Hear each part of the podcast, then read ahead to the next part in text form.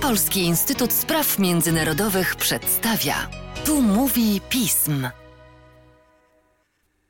Dzień dobry Państwu. Przy mikrofonie Mateusz Józwiak, a wraz ze mną kolejny w ostatnim czasie duet. Jednak, Szanowni Państwo, jest to duet wyjątkowy, jak wyjątkowy jest dzisiejszy temat oraz goście. Razem ze mną w studio znany Państwu Łukasz Jasina, obecnie rzecznik prasowy Ministerstwa Spraw Zagranicznych, ale przecież równie znany publicysta i poprzedni prowadzący naszą audycję redaktor. Jest z nami także Przemysław Biskup, analityk oraz ekspert Polskiego Instytutu Spraw Międzynarodowych do spraw Wielkiej Brytanii. Uszanowanie panowie. Dzień dobry. Bardzo nam miło. W ostatnich miesiącach uwagę naszych słuchaczy skupia prawdziwy roller coaster zmian i wydarzeń w Wielkiej Brytanii. Warto więc śladem naszych starszych nagrań odbiec trochę od teraźniejszości ale jednak nawiązać do niej w trakcie rozmowy o serialu The Crown. Również dlatego, że 9 listopada miała miejsce premiera najnowszego piątego sezonu, a razem z nią nasi bohaterowie wkroczyli w lata 90. pełne wyzwań dla korony brytyjskiej. Szanowni goście, pora więc na pierwsze pytanie znaczące, zwłaszcza z perspektywy bieżących wydarzeń. Jakie jest znaczenie w systemie brytyjskim klasowości? Myślę, że ten serial bardzo fajnie pokazuje wyjaśnienie e, fenomenu niedawnego awansu Rishiego Sunaka. Mianowicie zasadą organizacyjną polityki brytyjskiej jest właśnie kwestia klasy, pochodzenia społecznego i w konsekwencji można powiedzieć, sposobu socjalizacji przez różnego rodzaju instytucje. W przypadku elity brytyjskiej oczywiście są to instytucje elitarne, zwłaszcza edukacyjne w postaci prywatnych szkół średnich, później najlepszych uniwersytetów. I ta kwestia jest absolutnie dominująca nad kwestią na przykład pochodzenia etnicznego czy rasowego. Niedawno mm, z dużym zainteresowaniem media światowe odnotowywały awans y, właśnie Ryshiego Sunaka na premiera, pierwszej osoby pochodzenia azjatyckiego na tym stanowisku ale tak naprawdę bardzo często pomijano to, że on właśnie pod tym względem pochodzenia społecznego właściwie był absolutnie typowym przedstawicielem elity brytyjskiej, absolwentem elitarnej szkoły prywatnej, później Oxfordu, później zrobił MBA na Stanfordzie, pracował w, w bankowości itd., tak itd. Tak I to pięknie widać w, w, w tym serialu. Na przykładzie młodego księcia Williama, który trafia do najbardziej znanej elitarnej szkoły brytyjskiej w, w Eton i uczy się tamtejszego żargonu. To jest niezwykle ważna część socjalizacji.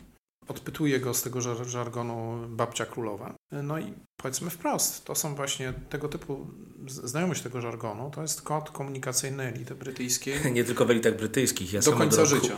Ja sam od roku uczę się żargonu w jednej instytucji i nie jestem w stanie go do końca opanować. W Polsce chyba problem jest to, że u nas z powodów historycznych nie ma jednej elity. Istnieją różne kody różnych elit i to chyba jeszcze bardziej utrudnia karierę niż w Wielkiej Brytanii.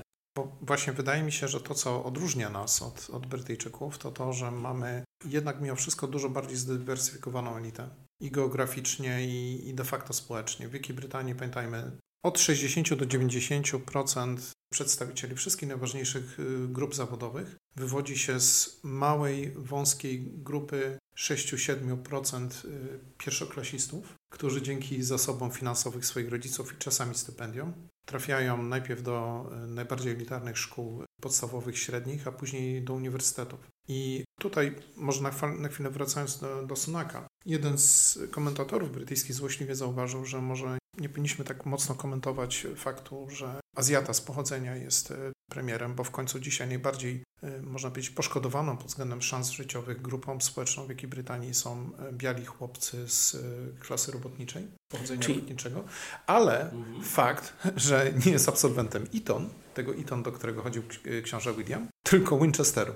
No myślę, że takim największym wyjątkiem, który się u Rysiego Sornaka zdarza, to akurat to, że chyba formalnie jest pierwszym premierem nieanglikaninem od początku istnienia tego urzędu, bo Blair został katolikiem, zdaje się, dopiero po odejściu z tego stanowiska. Więc tak naprawdę wychodzi na to, że wyjątkiem, jeżeli już myślimy o nim, to takim wyjątkiem wśród brytyjskich premierów był John Major. Ktoś, kto jest bohaterem bardzo pozytywnym, całej piątej serii, symbol partii konserwatywnej, dla ludzi z, takich jak ja lat 90., pan w średnim wieku z eleganckimi manierami, który jak się okazuje był jedynym brytyjskim premierem bez elitarnego wykształcenia. Tak, a nawet można powiedzieć, że w zasadzie bez jakiegoś większego formalnego wykształcenia, samouk i co więcej osoba wywodząca się z rodziny cyrkowej. No cóż, cyrkowcy jak widać mają bardzo dużo talentów, ale premier Major czy jest naprawdę zapomnianym bohaterem lat 90., bo to jest taki problem z premierami, którzy są wepchnięci między dwie legendy. Blair przynajmniej dalej jest legendą lejburzystów, przywrócił im władzę po 18 latach, stworzył tą partię i ona w dużej mierze taka przez długie lata była. Z kolei konserwatyści mieli Thatcher, której teraz stawia się pomniki baron baronesie Thatcher w parlamencie stoi ta statua już od ponad dekady. A Majora jakoś tutaj zapomniano. To jest jeden z uroków tej, tej piątej serii opowiadającej w latach 90. Ona pozwala z jednej strony zrozumieć pewne ze zjawisk, które mamy dzisiaj, a z drugiej strony dokonać reewaluacji. Jeżeli chodzi o Majora, to można powiedzieć tak. On ustępując uważał, że jego premierostwo było pewnego rodzaju porażką. Rządził tylko 7 lat.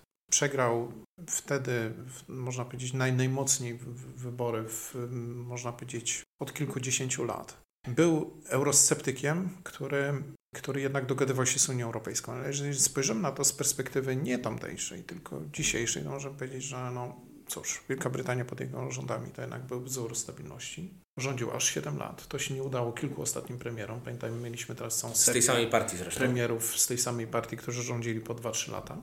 No właśnie, będąc eurosceptykiem, miał zdolność dogadywania się z Unią Europejską. Przypomnijmy Państwu, był że traktat z Maastricht był zawierany właśnie za premierostwa Johna Majora i już wtedy te wszystkie problemy istniały bardzo mocno, bo się zaczęły za czasów Margaret Thatcher, choć właściwie zaryzykujemy, że istniały od samego początku akcesji. To, to można przypomnieć, że a propos traktatu z Maastricht, że Major no był jednym z, jednym z autorów też y, wpisanej do tego traktatu zasady y, pomocniczości.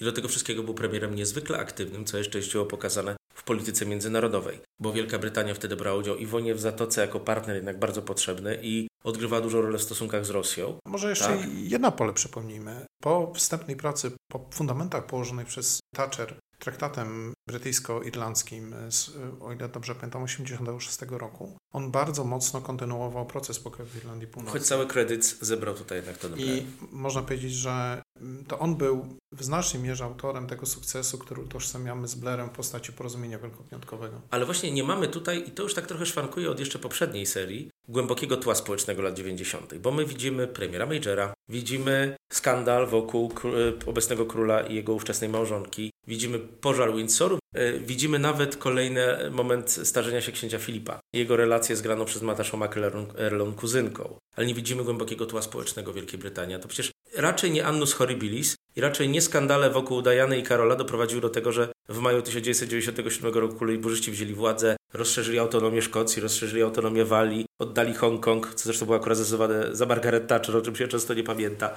Nie ma tej Wielkiej Brytanii lat 90., która jest dla nas jakaś taka nieznana, a to jest przecież Wielka Brytania, która potem wybuchnęła płaczem, kiedy Diana umarła, kiedy zginęła w wypadku. Pierwsze takie publiczne okazanie uczucia chyba licząc z II wojny światowej kilku sytuacji w historii brytyjskiej. Nie wiemy, dlaczego ci ludzie wybierali tak, a nie inaczej. Cóż, może spoiler alert. Do końca, do końca tej serii księżna Diana żyje.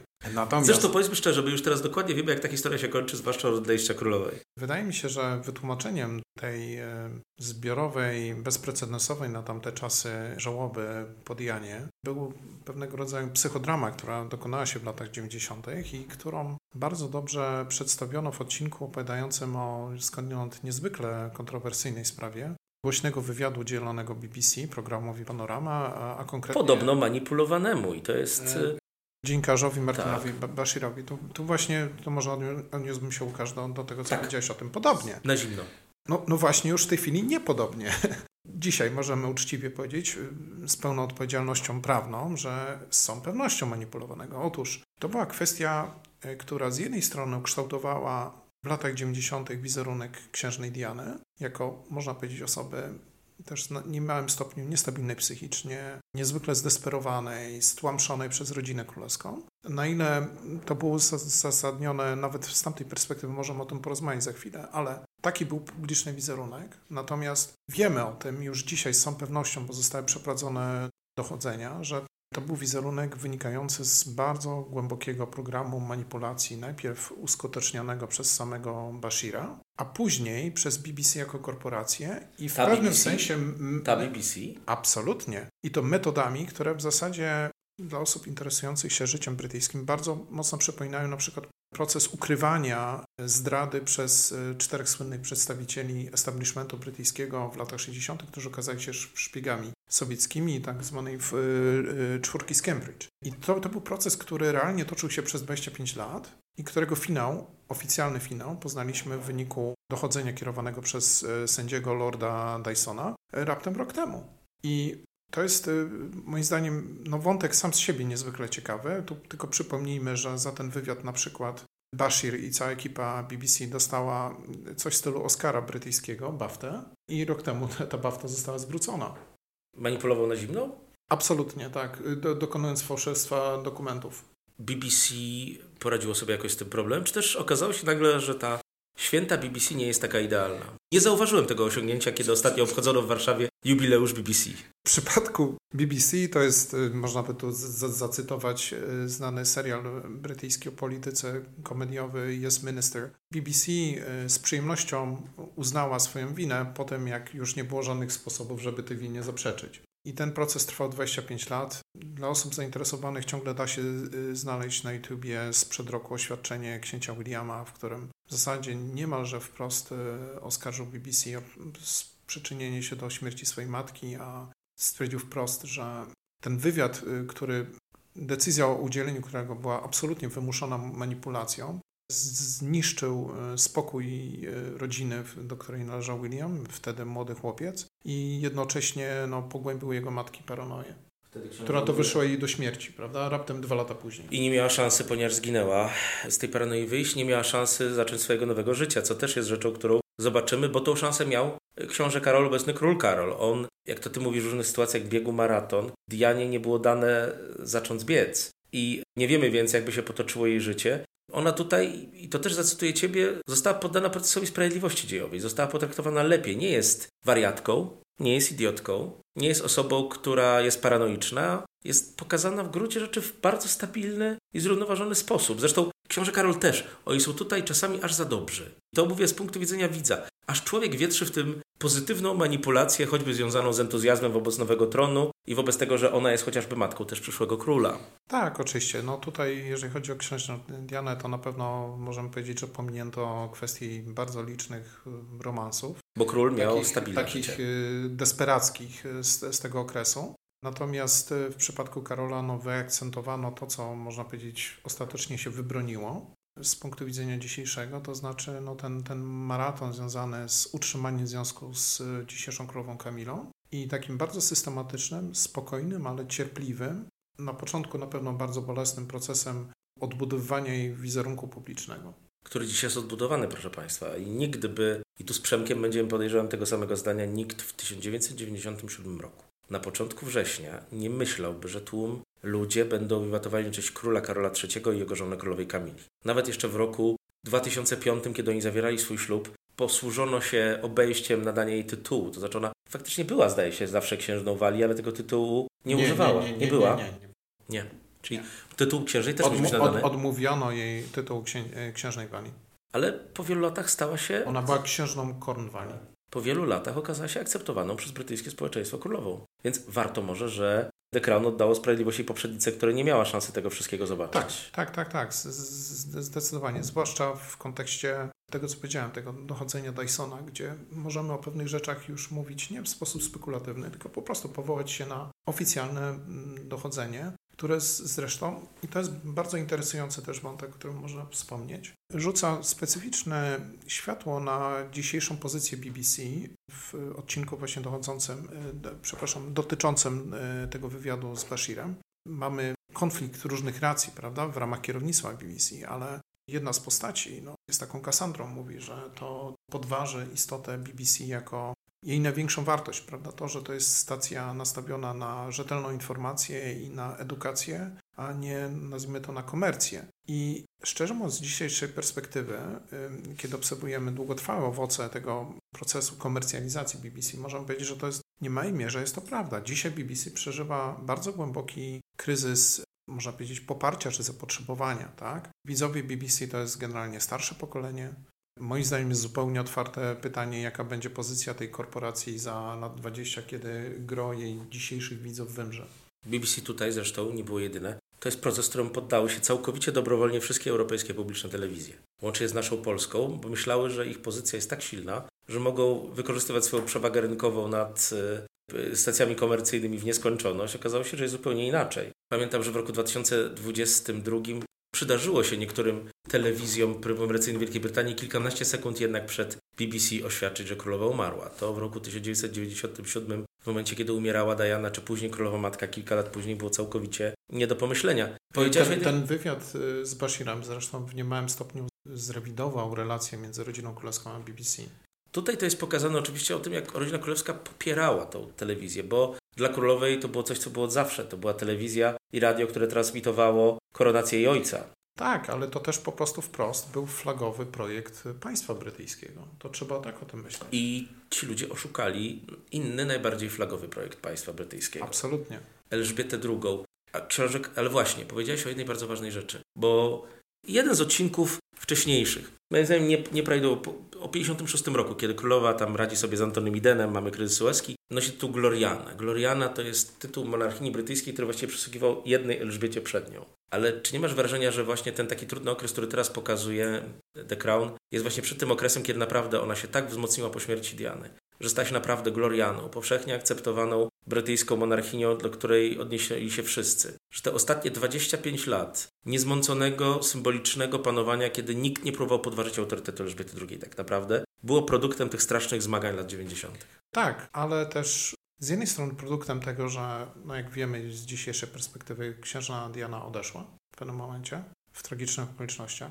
Z drugiej strony również lekcji jakby wyciągniętych, tak? Pokazane w innym wybitnym filmie w, Dekra- w Królowej Stephena Frearsa e, e, kilkanaście lat ale, ale tutaj nawet w tym sezonie to jest pokazane na, na, na przykładzie na przykład zatrudniania przez księcia Karola specjalistów od wizerunku. Zupełnie nowego podejścia do kreowania wizerunku monarchii. No i trzecia rzecz, to bym powiedział, że to jest właśnie jeszcze jeden piękny przykład tego, o czym wspomnieliśmy wcześniej, czyli maratonu. Na pewnym etapie mamy do czynienia z triumfem The Last Man Standing, tak? tych ostatnich osób, które są jeszcze ciągle na nogach i siłą rzeczy stają się w pewnym momencie przedstawicielami, symbolami całego swojego pokolenia. Ja tutaj odwołam się do takiej postaci, która zrobiła niezwykle sympatyczną, taką karierę w y, przestrzeni brytyjskiej medialnej w okresie pandemii. To był taki rozbłysk, bardzo krótki, ale uważam, że bardzo, bardzo sympatyczny. Y, to znaczy kapitana y, Toma Mora, ponad stulatka, który w okresie pandemii stwierdził, że zacznie zbierać pieniądze na rzecz Narodowej Służby Zdrowia Brytyjskiej jako ponad stulatek, okrążając ileś tam razy budynek, w którym mieszkał.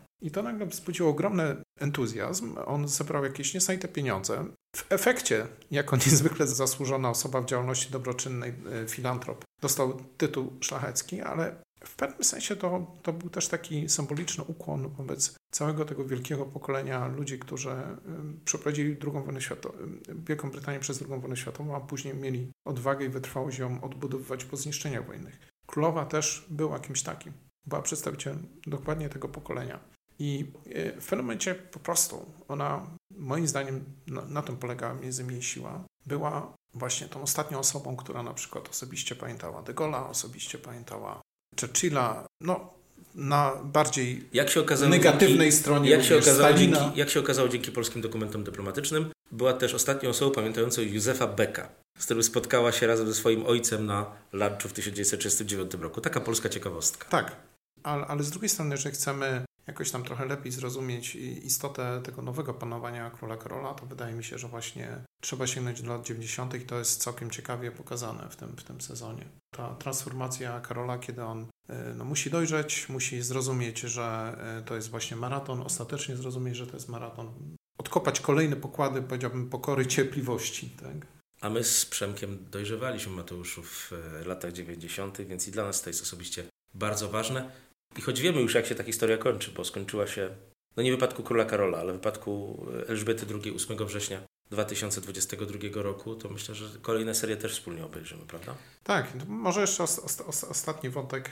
Chętnie. Jak mówiliśmy o, o projektach flagowych, no to y, taką ciekawą y, klamrę kompozycyjną tej, tej, tej serii stanowi jacht królewski Brytania.